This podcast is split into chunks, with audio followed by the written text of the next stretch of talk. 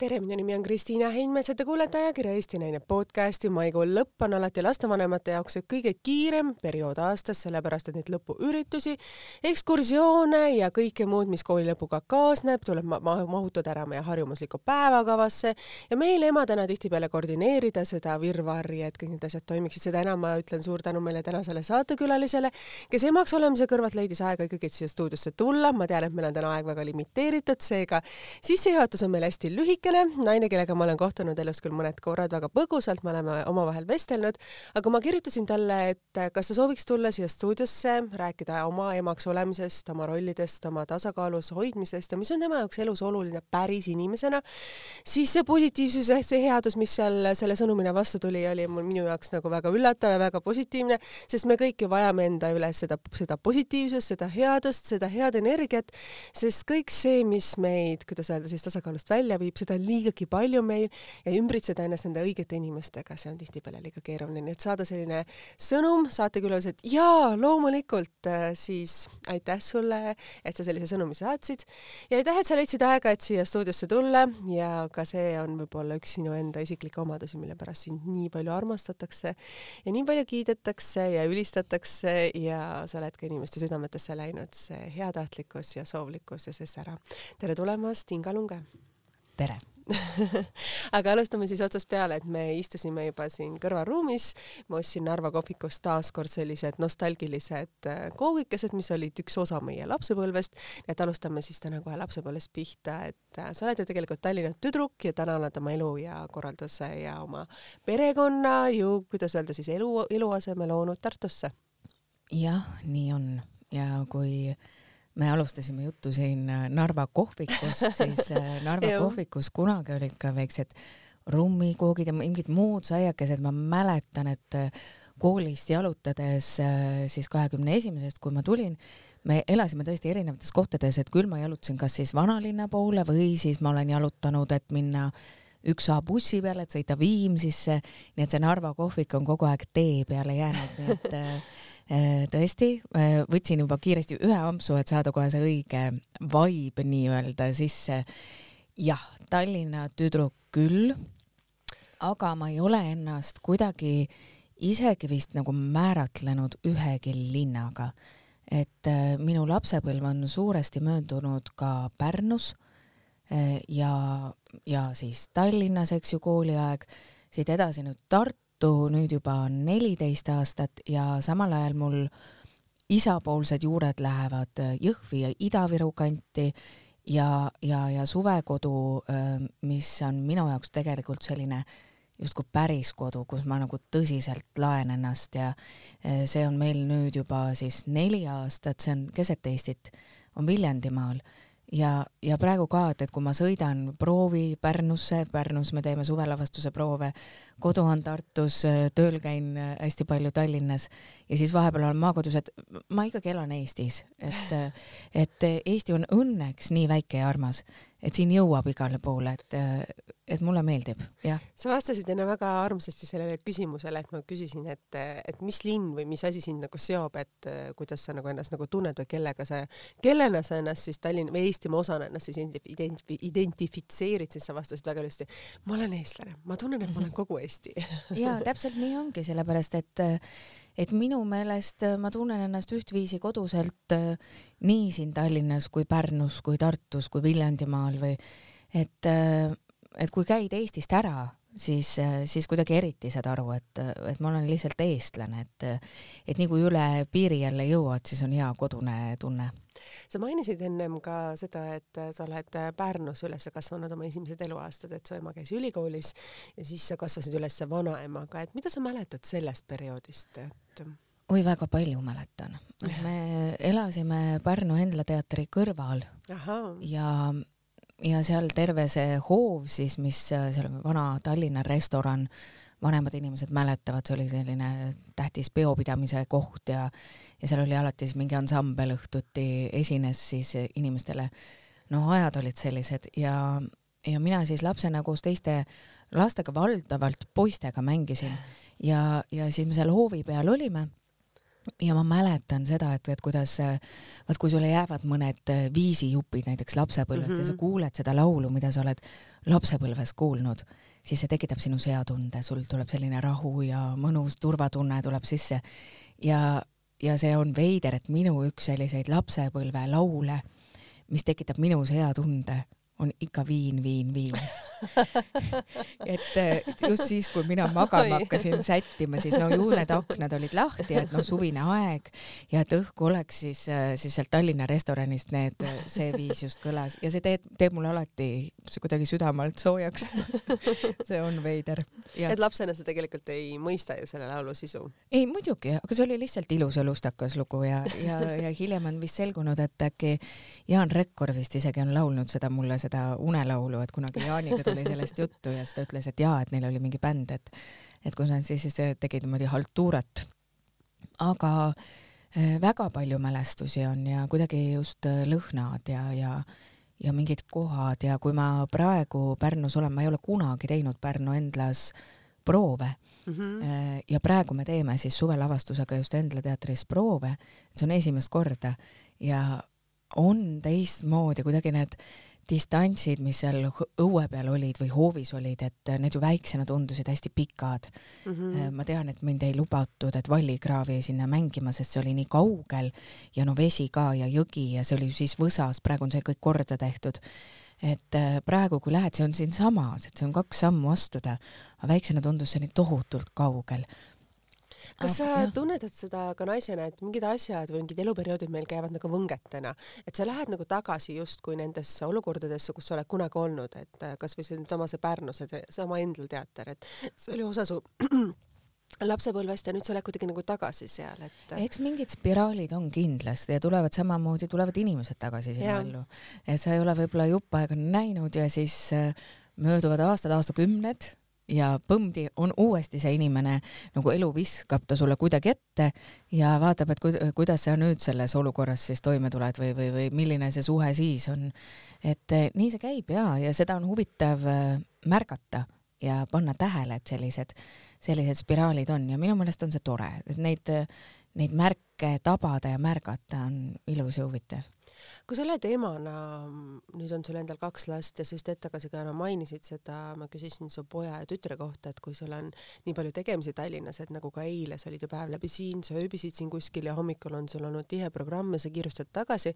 et kuidas lapsed hakkama saavad, sest noh, ilmselgelt kui sinu abikaasal on ju ka palju töökohustusi võib-olla Eestimaa erinevates paikades, siis sa vastasid, oi, nad on nii tublid, et sul seitsmeteistaastane poeg saab ilusti üheksa-aastase tütre, kuidas öelda äh,, abistamisega või hooldamisega või mitte hooldamisega, aga kuidagi sellise Nad elukorraldusega. väga hästi hakkama. no ma. et see on nagu mõnes mõttes üllatus minu jaoks. võib-olla ka, et aga lapsed ja noored on ka erinevad ja noh, naljaga pooleks nüüd päriselt üldse mitte tõsiselt öeldes olen mina ikka mõelnud, et eks ma kasvatan ideaalmeest ja kuidas see, see käib, ütle mulle ja. retsept, milline on ideaalmees ja kuidas see kasvatusprotsess käib?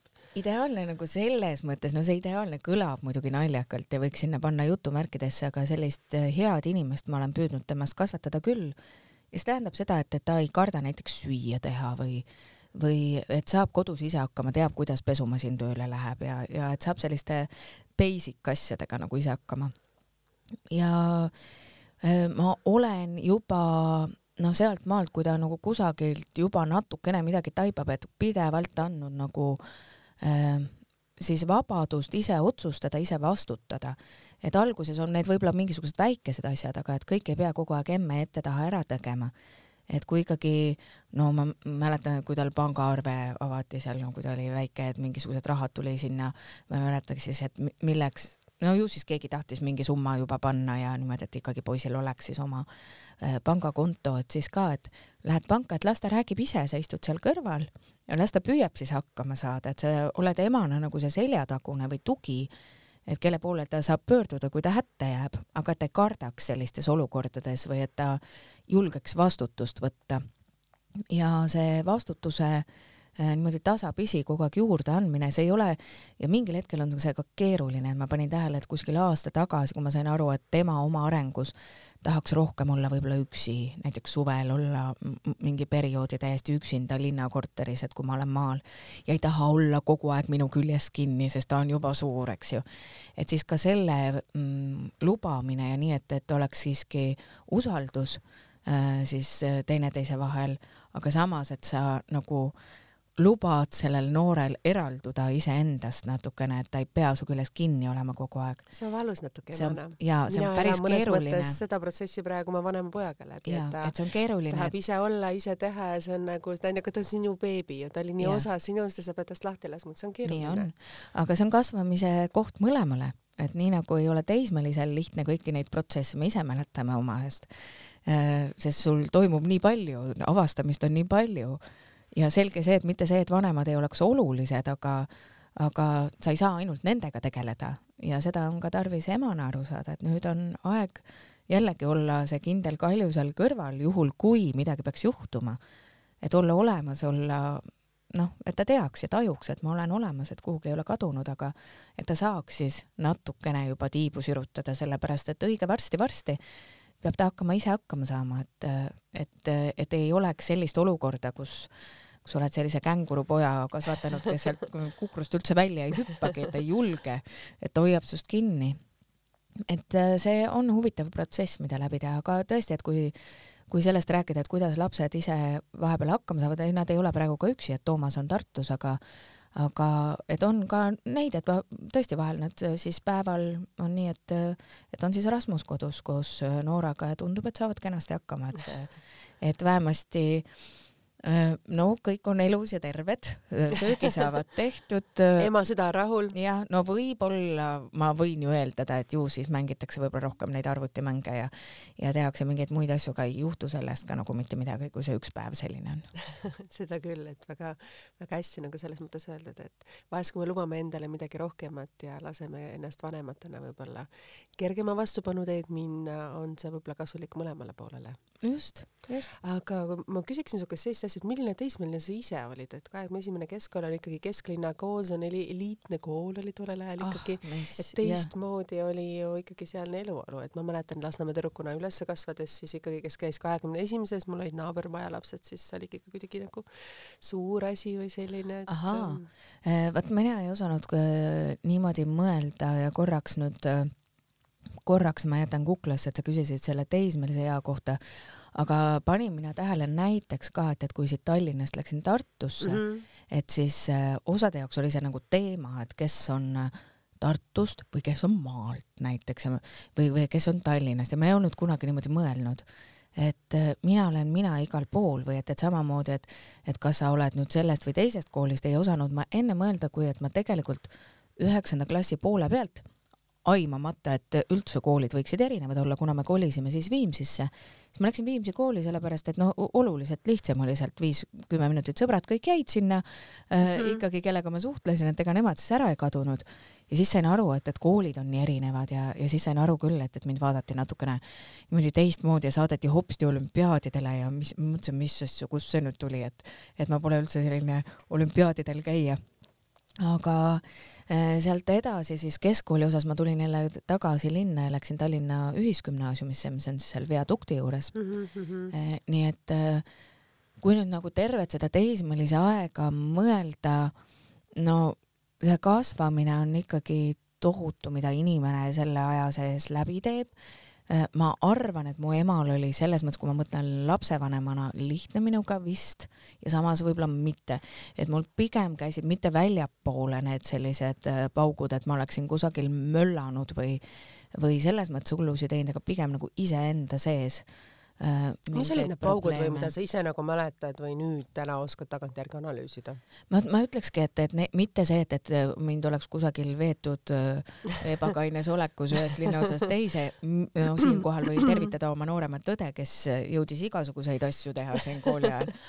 aga et ma pigem ütleks, et need kõik olid sellised sisemised äh, asjade ja iseenda kas sellest ka valik, et mine näitlejaks õppima? ei Äh, sealt nüüd äh, see otsus sündis hoopis teistmoodi. ma olin kindel, et minust saab, noh, keskkooli osas juba ma teadsin, ma läksingi, valisin sellise kooli, kus sai õppida majandust mm -hmm. siis lisaainena. majandus ja näitlejaamet on väga käsikäes käivad valdkonnad ja miks mitte, aga et ja, ja mõtlesingi, et ju ma lähen siis, ma ei tea, kas mingit ärijuhtimist või, või, või majandust õppima edasi. Ja ülikooli ajal, kuigi ma olin selline hästi tegus ja aktiivne, mind pandi esinema palju ja see oli minu jaoks ületamatu probleem, et ühesõnaga ma olin suutnud endale tekitada mingisugused siuksed mm, hirmud kuklasse, et ma tegelikult kartsin väga teiste ees siis esineda ja olla. Ja siis selle probleemiga hakates tegelema, mõtlesin, ma lähen siis näiteringi või kuhugi, et ma nagu harjutan, et see ei ole normaalne, et inimene niimoodi kardab, et see ei ole ju hea tunne. ja siis sain aru, et aa, see on üks koht, kus saab äh, maailma muuta ja iseennast muuta ja et mul on endaga huvitav ja ma saan kuidagi teistele midagi pakkuda, nii et et eks ta üks kutsumus ikkagi on olnud, et selline no ta on ikka elukutse jah. kui keeruline või raske sul seal koolis nagu selles mõttes oli, et ta oli ju teistmoodi, ta ei olnud ju päris lavakunstikool, ta oli mm -hmm. nagu mhm. teise kooli humanitaarinstituudi osa, et kuidas sa nagu iseennast seal nagu tundsid ja kehtestasid, kes olid su kursusekaaslased? väga hästi väga hästi et sa tundsid ennast kohe õiges kohas, et see oli õige asi, et see majandus oli hea, et ma selle kõrvale heitsin. jaa, aga kooli valik oli ka minu jaoks ilmselt ainuõige, sellepärast et Humanitaarinstituudis tol ajal, kui oli seal teatriõpe mm, -hmm. oli võimalik siis lisaks oma erialatundidele kõrvalt õppida keeli, ajalugu Äh, kultuuri ajalugu ja kõike muu kunstiajalugu, äh, filosoofiat, äh, semiootikat ja seal olid väga tugevad õppejõud.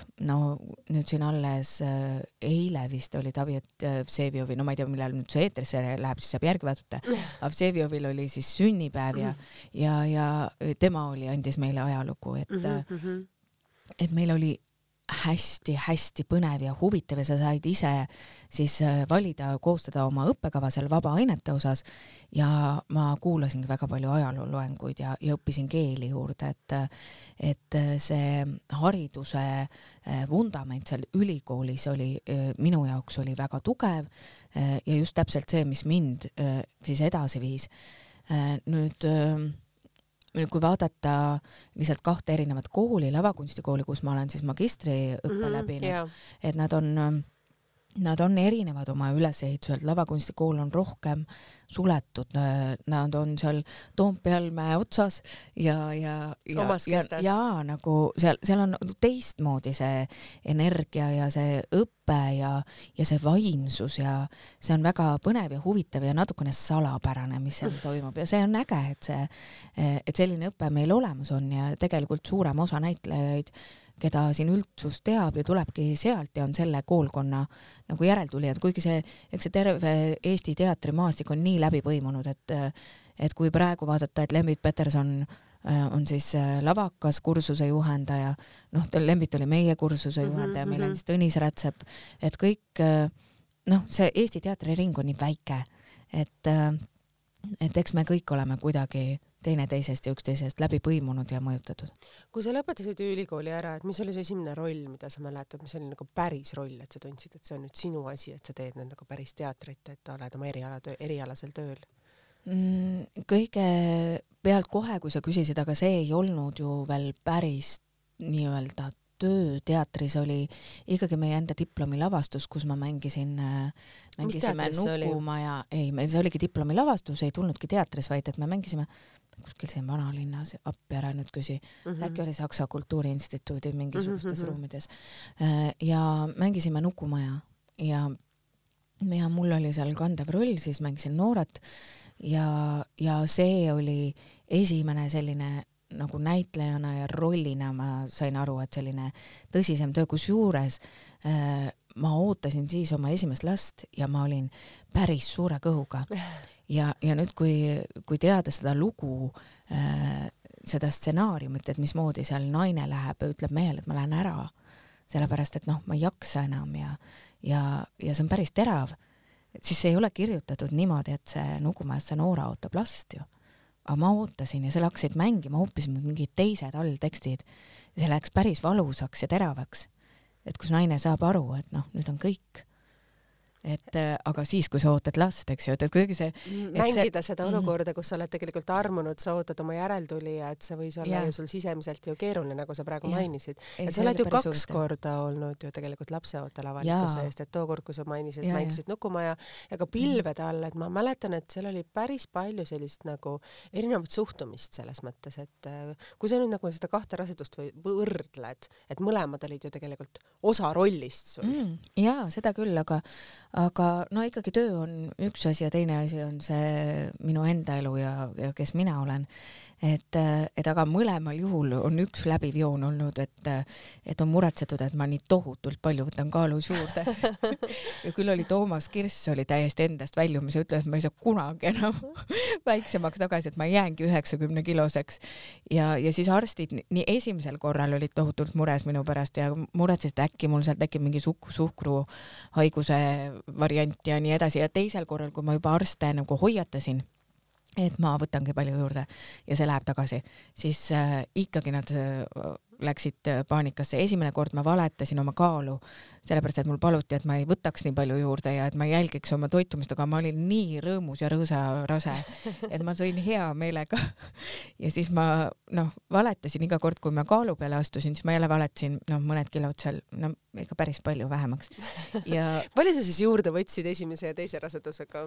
no ikkagi küllaltki palju, nagu sa mõtled, no kuskil, mis ma võisin seal no üheksakümmend oli nagu nüüd see tippkaal küll siin äh, selle teise raseduse puhul, et ju ma seal kuskil kuuskümmend kaks alustasin ja siis seal üheksakümne juures lõpetasin. kui, kui keeruline või raske oli pärast sul nagu sellest, nendest kilodest nagu vabaneda ja uuesti nagu tunda ennast nagu noh, mõnes mõttes ju naisena, sest ikkagi see rasedus võtab mm. väga suure osa ja kui sa mingil hetkel on see beebi sul süles, siis on nagu selline hetk, minul endal vähemalt oli, et aga kuidas nüüd edasi või mis nüüd on, et, et nagu üks periood on nagu möödas ja nüüd hakkab uus elu hakkab?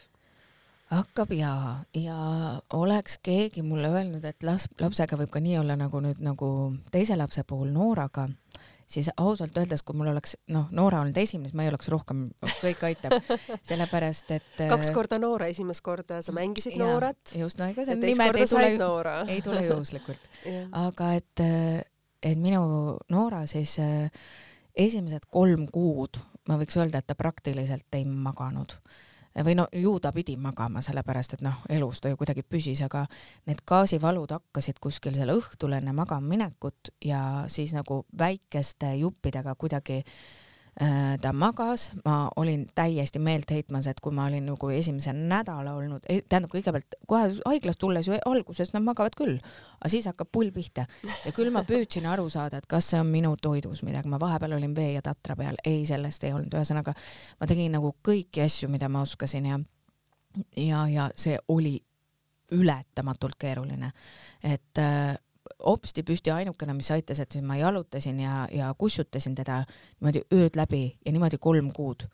Nagu reaalselt kolm kuud. Ja ma praegu mõtlen, ma, ma ei tea, kuidas ma terve mõistuse säilitasin, üheks abiliseks oli see, et kui Noora oli kahekuune umbes, siis ma hakkasin pilvedes uuesti kaasa tegema. ma just mõtlen, et ma tahtsingi küsida, et, et see oli või see oli sul, kuidas sa suudad pidada meeles teksti, kui sul on see magamatus, kus sul ei püsi ja. tegelikult ju kaks ridagi peas, et ma see, mäletan seda ja, omast ja, ajast. aga see oli mingi asi, mis oli minu teema, et ma sain ennast korraks nagu välja sellest või et, et ma sain olla kasvõi mõned tunnid teha midagi muud, et see pääst-, päästis hästi palju. Sest et ja siis küsiti muidugi, et aga kuidas sul läheb see kaal niimoodi alla, siis ma mõtlesin, et ma võin laenata last, et kui keegi tahab kaalust alla. Või siis, et lihtsalt lähedki öösel magama siis paned äratuse endal poole tunni pärast, siis ärkad üles poole tunni pärast, siis võtad ruttu need hantlid kätte, siis jooksed nendega mööda tuba niimoodi tund aega, siis lähed pikali, paned uuesti viieteist minuti pärast äratuse ja proovi niimoodi ja, ja tee seda mitte ainult üks öö, vaid lase niimoodi kolm kuud. Ja küll need kaalud, kaal läheb, kaob kohe. see on ju tegelikult, äh, mõjub su organismile, et sul kaob ju tegelikult sügisu ära no eks ta nii ongi ja kõik muutub ebaregulaarseks ja. kurnatus on nii suur, et sa ei suuda süüa, sa ei suuda nagu midagi teha, et kuidas kellelgi mm -hmm. nagu stress väljendub, et selles mõttes ta oli ju na, nagu hea ükski halb asi ei ole ilma heata. ei ole ja ma mõttes ainult sisendasin, et äh, kui see algus nii raske on, siis edasi peab olema kõik väga-väga hästi. et nüüd ta peab, no tal ei jää muud üle kui teismelisena, no ja juba on varateismeline, et olla hästi mõistlik ja tore ja normaalne laps, sellepärast no. et ma olen need kannatused juba kõik läbi teinud. no ilmselgelt on ju hästi tore laps, et kui ta on üheksa-aastane ja saab ilusasti-kenasti oma vennaga hakkama ja suudavad kahekesi ilusti eksisteerida seal ja üksteisest hoolt kanda, sest noh, üheksa-aastaselt on ja. ju see oluline ka see, et kas sa helistad emme, emme, emme, nagu sa rääkisid siin just hetk tagasi või mm -hmm. siis äh, sa usaldadki oma vanemat venda ja saavad ilusasti hakkama, nii et ta on sul kindlasti imeline laps. muidugi on aga sa rääkisid just seda, et äh, sa elad Tartus ja mm, kuigi Tallinna tüdrukuna sa, on ju see ikkagi noh, see keskkonnavahetus sul väga suur ja mm, sa ütlesid, et sulle Tartu meeldib. miks sulle Tartu meeldib? Et keskkonnavahetus on suur, äh, ma arvan, et sellest ei saa inimesed enne aru, kui nad ise selle võib-olla läbi teevad mm. -hmm. et äh, minu jaoks ikkagi Tartu oli kusagil kaugel, ülikooli ajal, kui me sõitsime diplomilavastust sinna mängima, siis see oli justkui välismaale minek. ma ikka tegin termosega tee ja võileivad kaasa, sest et no pikem, pikem reis. ja, ja, ja kui äh, ma sinna kolisin, siis äh, esimene nädal ja paar olid öö, päris keerulised, sest et see rütm ja see tiks, millega ma olin siin Tallinnas harjunud, siis seal järsku see muutus nagu kardinaalselt seal on Tallinnas rahulikkus no,. Tallinnas alustad päeva, siis sul on tohutu nimekiri asjadest, mis sa tahaksid jõuda ära teha. ja sa ei jõua, sellepärast et üks asi on võib-olla Mustamäel, teine on Viimsis, siis sa pead sõitma Lasnamäele, siis sul on Nõmmel midagi. et äh, sa noh, see asukohtade vahetamine, see võtab palju aega. Äh, inimesed on palju närvilisemad, palju kiirem tempo ja nad ei tulegi sellest välja ja sellest ei saa need inimesed, kes siin elavad, tegelikult aru ja, ja mis siis juhtus, juhtuski see, et, et ma läksin Tartusse ja must oligi nagu ärevus oli sees, et mis ma teen ja, ja ma peaksin nagu midagi tegema, aga asjad saavad maru kiiresti tehtud, sellepärast et distantsid on väiksemad, kõik on olemas eluks vajalik, aga sa saad need asjad ruttu tehtud. mis siis teha oma ajaga? ja mida sa tegid siis oma ajaga? On võimalik elada. Võimalik väga minna väga õigesti öeldud tegelikult. jõe peale, sõita Emajõel, püüda kalastada, see on su lemmik hobisid. Minna käia jalutamas äh,, olla, olla olemas, lugeda äh,, vaadata, märgata. Ja, ja tõepoolest siingi olles, et äh, kui ma tulen ja teen oma tööd ära, siis ma väga naudin seda, sellist, äh, ka seda distantsi või seda, et, et ma nüüd liigun see kaks tundi, et siis ma jõuan sinna Tartusse. Ja, ja kui Äh, kui tuua nüüd välja neid plussid, sellepärast et äh, tihtilugu on tundunud, et see elukorraldus siia Tallinnasse tuua oleks no arukas võib-olla, et, et tööd on siin lihtsalt palju rohkem. sa käid, sõidad seda vahemaad väga palju, ajakulu on suur, aga sa just hetk tagasi mainisid, et see on Plussid mõnes mõttes, äh, mõnes mõttes sinu kui ema jaoks sinu oma aeg, et sul ei ole seda emme-emme ja emaks olemise kohustust. see on minu aeg ja teine asi on see, et, et lastel kooliga ja kooli minek, nad saavad ise minna, hommikul lehvitan, äh, nad saavad ise tulla, nad saavad minna ise trenni, nad, äh, seal on väga hea haridus äh, ka ülikool sealt edasi, et seal on hästi mõnus atmosfäär, kui midagi toimub Tartu linnas, mõni festival või, või mingi suurem üritus, siis on terve linn on sellest haaratud. Et keegi ei jää justkui välja, mulle meeldib, et tõesti on võimalik kohe pääseda jõe peale ja, ja ja see on üks ütlemata mõnus keskkond, kus kus lapsi kasvatada.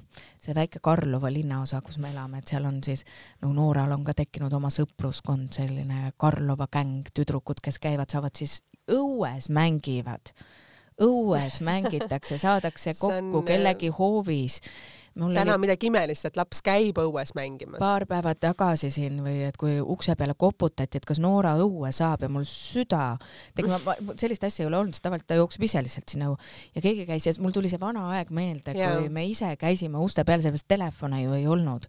muud varianti seal ei olnud, kui sa läksid ja kõik inimesed avasid ukse, keegi ei tundnud midagi halvasti ennast. just ja, ja see on nagu selline pullerbi seal. Et see on mõnus, praegu sile, sirelid õitsevad, lilled on aedades, ühest hoovist teise lapsed äh, liiguvad, äh, seal üks hommik, kui ma tulin raadiost töölt, mis tol oli siis ütleme pärast ühte-teist, Noora jõudis siis koolist, kas neil lõppes siis varem, järsku oli hopsti kaheksa tüdrukut oli seal, juba nad asjatasid, juba õue, kas me need asjad võime õue müüa? no ja muidugi, et kuigi mulle väga meeldib selline elu, et ja, ja tööl võin ma käia Tallinnas, sellest pole hullu midagi. sa räägid sellist idüllist äh, Tartus, et sa oled oma elu ära korraldanud niimoodi ilusti ja hästi ja sa tunned ennast seal õnnelikuna, et sul on aega iseenda jaoks ja sa tunned, et su lapsed ja kõik inimesed, kes on su ümber, on õnnelikud. kui sa võrdled nüüd seda rolliga omal pilvede all ja nende õdede siis, kuidas öelda, saatuse või asjadega, et kas mõnes mõttes nende elu seal Haapsalus võis olla ka mõnes noh, sarnane või kuidagi, et Haapsalu on ju ka pisike, minna ja tulla saab küll üksikema, kuidas öelda, üksikema lastena, aga yeah. ikkagi, et kui sa, kui sa seda stsenaariumit nagu vaadata, et nad on käinud ju nii ülesse ja alla ja seal on ju selliseid täiesti kardinaalseid, kuidas öelda, kaunejat ja rohkejat, nagu me omal ajal Vene, mitte Vene, vaid Soome kanalites yeah. nagu vaatasime, et ka selliseid nagu selliseid püante ja pead pööritavaid stsenaariume, et sa oled ju olnud sellega seotud üksteist aastat. Äh, ma olen nendes aastaarvudes ja nendes rehkendamistes kehva. Ma ei, selles mõttes olen hästi palju hetkes ja siis ma pean, ma ei tea, kusagilt kalendreid lappama, et aru saada, millal ma näiteks kasvõi pilvedest nüüd ära tulin, ma ei oskakski sellele kohe vastata, aga äh, kui ma lugesin päris esimest äh, osasid, mis oli pilootosa mm -hmm.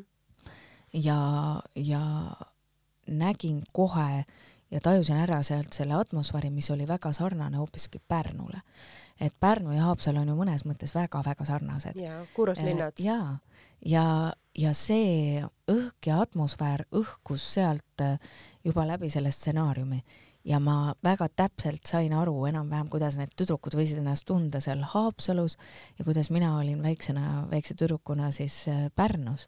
et selles oli midagi hästi palju sarnast ja kui me läksime filmima Haapsallu ja seal olid siis äh, selle kortermaja hoovis olid need äh, kloppimise, vaiba kloppimise need Redelid. raamid või ma ei oskagi öelda jah, et siis ma mäletan, meil oli ka ja seal sai turnida ja seal sai teha neid trikke igasuguseid pea alaspidi ja, ja siis ennast seal keerutatud ja ja, ja, ja siis, kui meil lapsed, kes seal mängisid nooremaid meid mm -hmm. alguses ja kui nad hakkasid tegema seal täpselt neid samu asju, mida, mida mina väiksena olen teinud, äh, no kuidagi see oli väga päris ja see, ma sain kohe aru, et see on minu lugu et äh, alguses veel ma ju kohe ei teadnudki, et keda ma hakkan mängima, aga ma sain kohe aru, et see Piret on minu roll ja küll seal vahepeal mängiti mõtteid nii ja naapidi ja ma mõtlesin appi, mis siis saab, kui, kui nad kirjutavad või noh, lasevad mul mängida midagi, midagi muud sealt.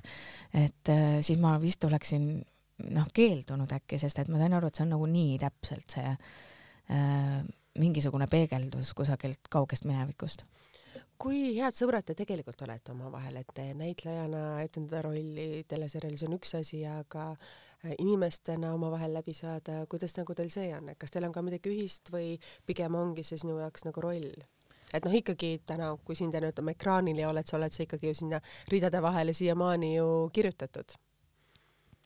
selle pilvede all töö üks, äh, üks väga suur väärtus minu jaoks oli see, et, et ma sain äh, koos mängida Liis Haabiga, kes on äh, minu õde. Mm -hmm. ja me ei ole koos üles kasvanud, eks ma tegelikult äh, enne Pilvede sarja ei tundnud teda niimoodi päriselt. Ja see oli vahva, kuidas me äh, siis, e-, kui kaamera oli välja lülitatud, päris algusaegadel hästi palju lahkasime mingeid oma mälestusi ja, ja, ja mingeid asju, et äh, panime paika mingeid Äh, noh, tõesti mingeid hetki minevikust ja, ja, ja rääkisime siis teineteisele asju, millest me ei olnud mitte kunagi saanud rääkida, et see, see oli kuidagi mingi selline e-, eriline teraapiavorm siis äh, meie suhtele. ja, ja, ja see, see on nagu muutnud meid omavahel äh, ikkagi lähedasemaks väga palju et kui sa vaatad nüüd ise emana sellistele hetkedele, et on lapsed, nad ei kasva koos, nad on eraldi, kui palju seda sidet äh, tekib lastel siis pärast, äh, kuidas öelda, vanemaks saades, et kui neil on erinevad kodud ja asjad? kui on erinevad kodud, see on väga teistmoodi kasvamine, mul on kogemus ka õega, kellega ma olen koos üles kasvanud, kes praegu elab küll Iirimaal, aga aga tema on selles mõttes, ma vahel ütlen, see on see mu päris õde ja mõni aeg oli isegi nii, et kui ma olin noor ja keegi kiiruga küsis, et, et kas sul õdesid, vendi on, siis ma ütlesin jah, mul on üks õde. selles mõttes ma pidasingi silmas seda õde, kellega ma koos kasvasin.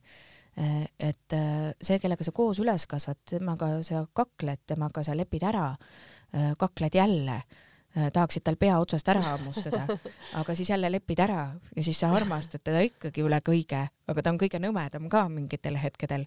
Ja, ja isegi praegu on see, et, et, et ma tean, et ma võin talle öelda ja ma ei pea talle meele järgi olema, et ma võin temaga minna ka konflikti, aga tal ei jää muud üle, et ta peab minuga ühel hetkel ära leppima sest ta on minu õde, et me hoiame vesi ikkagi... on, öeldakse, veri on paksem kui vesi. jaa, et me mhm. hoiame üksteist ikka väga-väga.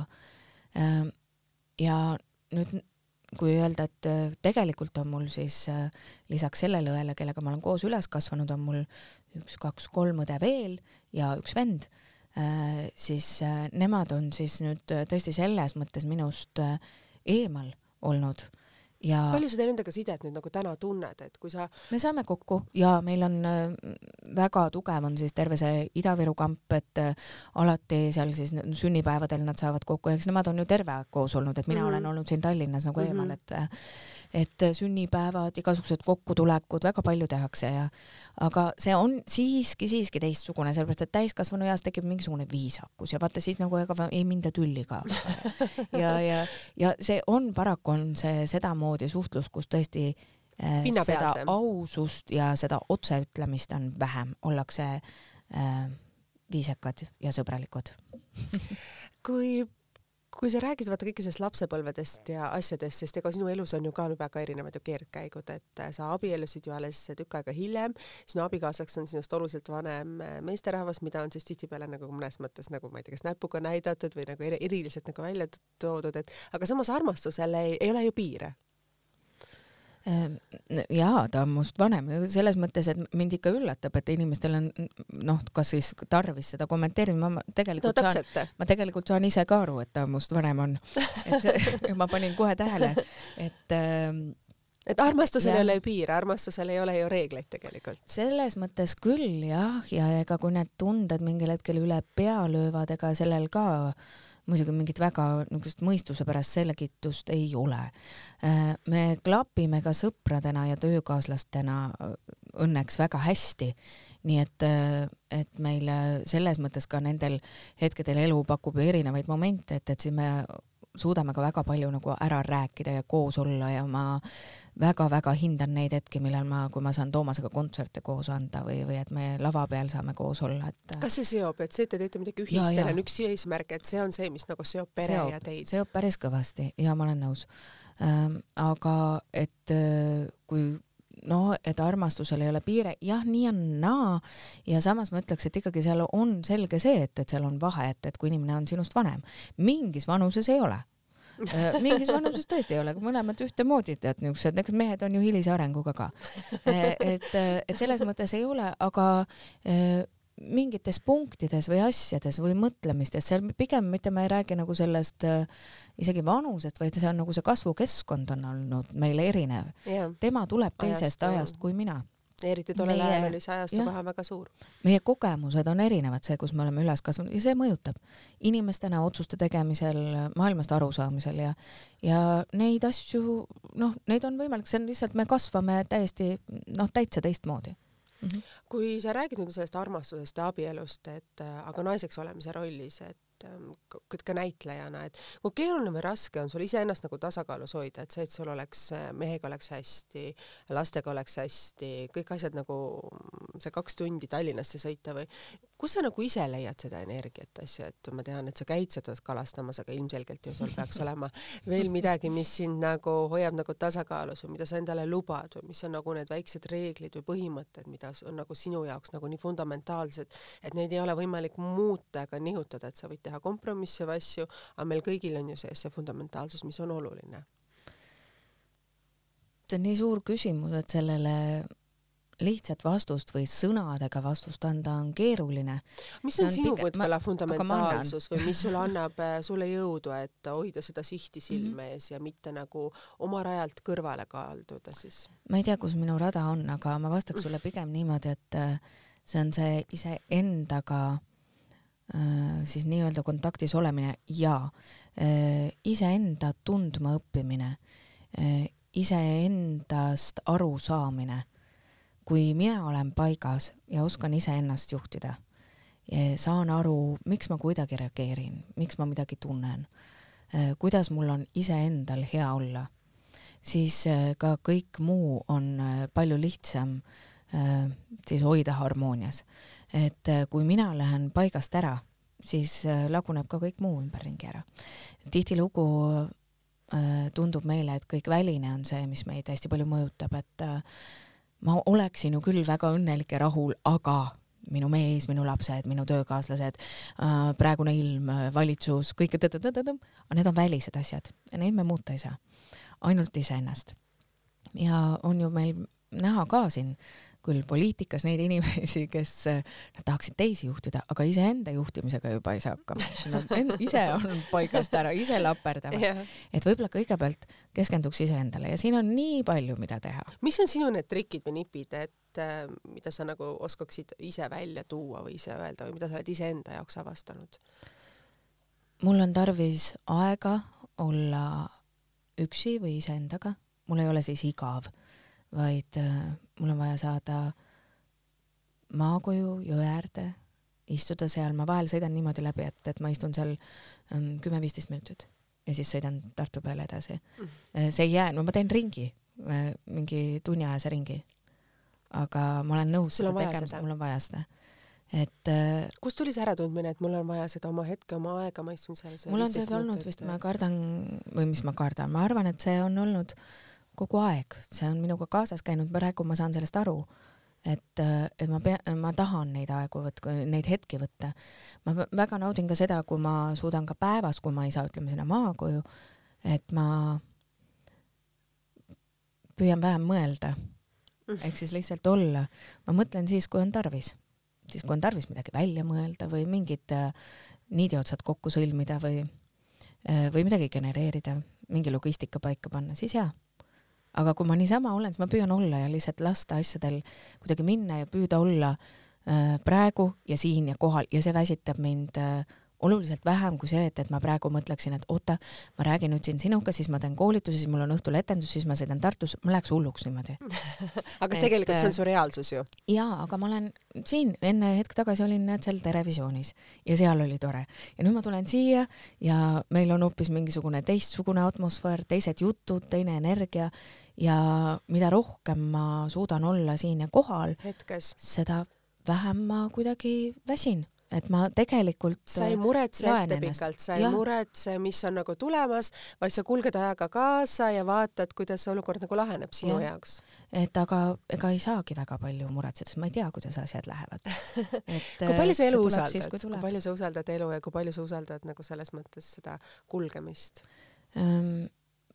jällegi, vaat kui mingeid asju paned, ma olen väga äh, palju on minus seda ratsionaalsust, noh, ma olen ju ikkagi majandust õppinud ja, ja eraldi matemaatikaklassis käinud, et noh, et, et selles mõttes see pool on mul täitsa olemas. et ma ei lähe lappesse, ma, mul on äh, ikkagi see kontrolliv, aga ma äh,, mina olemas, aga ma püüan teda natukene siia, et ta ei pea olema kogu aeg siin esiplaanil. et äh, sinu küsimus oli, et kui palju ma lasen elul või usaldan. kui, kui palju sa usaldad oma elu või mm -hmm. see, mida elu sulle ette toob ja kannab ja, ja tehes neid valikuid ja asju? Ma ütleks nii, nagu ütles üks äh, Portugali õpetaja Darshan Cruz siin mõnda aega tagasi, mulle ühe lause, mis jäi mulle meelde, et ta ütles, et ära, ära püüa paaniliselt oma elu elada, vaid lase elul iseendas elada. ja mulle kuidagi see sellel hetkel jõudis päriselt kohale. et ei ole vaja kogu aeg roolida, sest et sa ei tea, kuhu see tahab viia sind. püüa olla lihtsalt kohal, märgata, mis toimub, minna sinna suunas, sest et vahel on küll, on ju, ma usun, et paljud saavad aru sellest, et nagu jookseks peaga vastu seina, aga ei ole vaja, äkki lõpetaks ära siis selle tegevuse see on väga hästi ja väga sügavalt selles mõttes öeldud, et me võime ju tahta ühte, aga elul on teised, kuidas öelda teised plaanid teised sinuga. plaanid, täpselt teised ja plaanid. vaata, kus ta sind viib ja võib-olla see on väga tore. ja võib-olla ongi see, et usaldada neid teisi plaane, mitte neid plaane, mida sina oled teinud Jah. või ärgata iga hommikul üles, mida mina olen õppinud näiteks, et ma ärkan hommikul üles ja ma ei tea, kuidas mul see päev kulgeb. mul on ette Täpselt. kirjutatud nimekiri, aga viimastel hetkedel või asjadel tuleb neid asju muuta, kasvõi see, et hommikul kell üheksa saadetakse sõnum, et sorry, ma ei tule täna õhtul podcast'i ja mm -hmm. nii Mhm. nagu me siin täna istume, samamoodi reede hommikul, kus mul tegelikult peaks juba olema podcast üles pandud, me teeme seda saadet, sest nagu noh, ma planeerin küll asju ette, aga mida sa teed, et nagu läheb. täpselt, et läheb nii, nagu ta läheb ja kui ei lähe podcast eestrisse, no mis siis teha, et et ilmselgelt seda televisioonis või raadios ei saa, et kui juhtub, et midagi nagu sellist kardinaalset, et ei toimu, siis ei toimu. nojah, aga midagi ei juhtu või noh, et, et vahel ma mõtlen, et aga mis siis juhtub, noh näiteks mis iganes mingi asi jääb ära või, või muutuvad plaanid. Aga mis siis juhtub, mis siis saab? laps viskab vaasi maha, no mida sa karjud seal, mis sa emotsioneerid? Mis siis nüüd sai? mis, see ei ole see oluline, see ei ole üldse oluline, suures plaanis, kui sa mõtled, on universum, tohutu suur ja seal universumis, seal on selline eh, pisikene päikesesüsteem, see on hästi väike seal terves universumis. Ja seal päikesesüsteemis, seal on üks hästi väike planeet, maa ja selle pisikese maa peal, seal on pisikene, pisikene, pisikene Eesti ja seal pisikeses Eestis oled sina, kellel on maailma kõige suurem probleem, nagu see on nagu kõige tähtsam ja kõik need asjad on nagu, nagu maksimumtähtsusega. see on vaimuhaigus, kui me niimoodi mõtleme. tegelikult see kõik on palju vähem tähtsam, kui me arvame. millal sa jõudsid selle tõdemuse ja arusaamani siis? see kindlasti ei tule ju meil lastena kaasa, et Jaa. äh, kas sa lugesid selleks midagi või sa tegid endaga tööd või et aru saada, et mis on see maailma suur pilt? Tead, ma arvan, et, et tegelikult äh, me teame neid asju kogu aeg kõik, et need äh, tarkused ja need arusaamised on meie kõigi sees olemas. aga meil ei ole vaikust ja rahu, et neid enda sees nagu ära tunda. ja kui nüüd võtta see aeg maha ja lõpetada see jooksmine pöörane, nagu ma siin pealinnaski näen, ja olla natukene aega, küll sa siis hakkad märkama, hakkad märkama, et oo, näed, päike tõuseb ja, ja vihm sajab alla ja linnud laulavad ja, ja, ja õpid märkama iseennast ka, et näed, ma hingan ja olen olemas ja et äh, siis sa jõuad nende tarkusteni, selleks ei peagi midagi lugema. siis võib-olla keegi ütleb sulle, sa mõtled, jaa, muidugi ta sõnastab ära, aga ta ju sõnastab sulle mingi sellise asja ära, et sa saad aru, et ah, muidugi see on nii. sest sa tegelikult tead, sa tegelikult tead, aga sa ei kuula ennast. see on võib-olla väga ilus selline sõnastus ja väga ilus mõttekäik, millega meie saade siis kokku võtta. et kallid naised, kuulake iseennast, usaldage elu, laske elul, elul elada siis oh,, kuidas öelda, kuidas see lause nüüd täpselt lase oli?, lase elul endas elada. Väga ilusti on nagu öeldud, nii et lõpetame selle lausega, sest ma tean, Inga, et sa jooksed juba järgmisele kokkusaamisele. ilmselgelt tuleb teha seda ka minul ja aitäh, et sa leidsid seda aega, et siia tulla, et selline väga kiire lõpp, aga ma tean, et kellaaeg on meil, sul juba telefon, kuidas öelda, piipitas, et sul on järgmisesse kohta vaja minna ja meil on ka saateaega hakkab läbi saama, nii et veel kord, palun ütle see lause. Kallid naised, laske elul endas elada ja ärge mõelge üle, mõelge üldse palju vähem kui võimalik. kaunist nädalavahetust teile kõigile ja Delfi taskukeskkonnas on ajakirja Eesti Naine podcast saadaval samamoodi Spotify's ja SoundCloudis. aitäh teile ja päikselist maikuu nädalavahetust, nägemist! thank you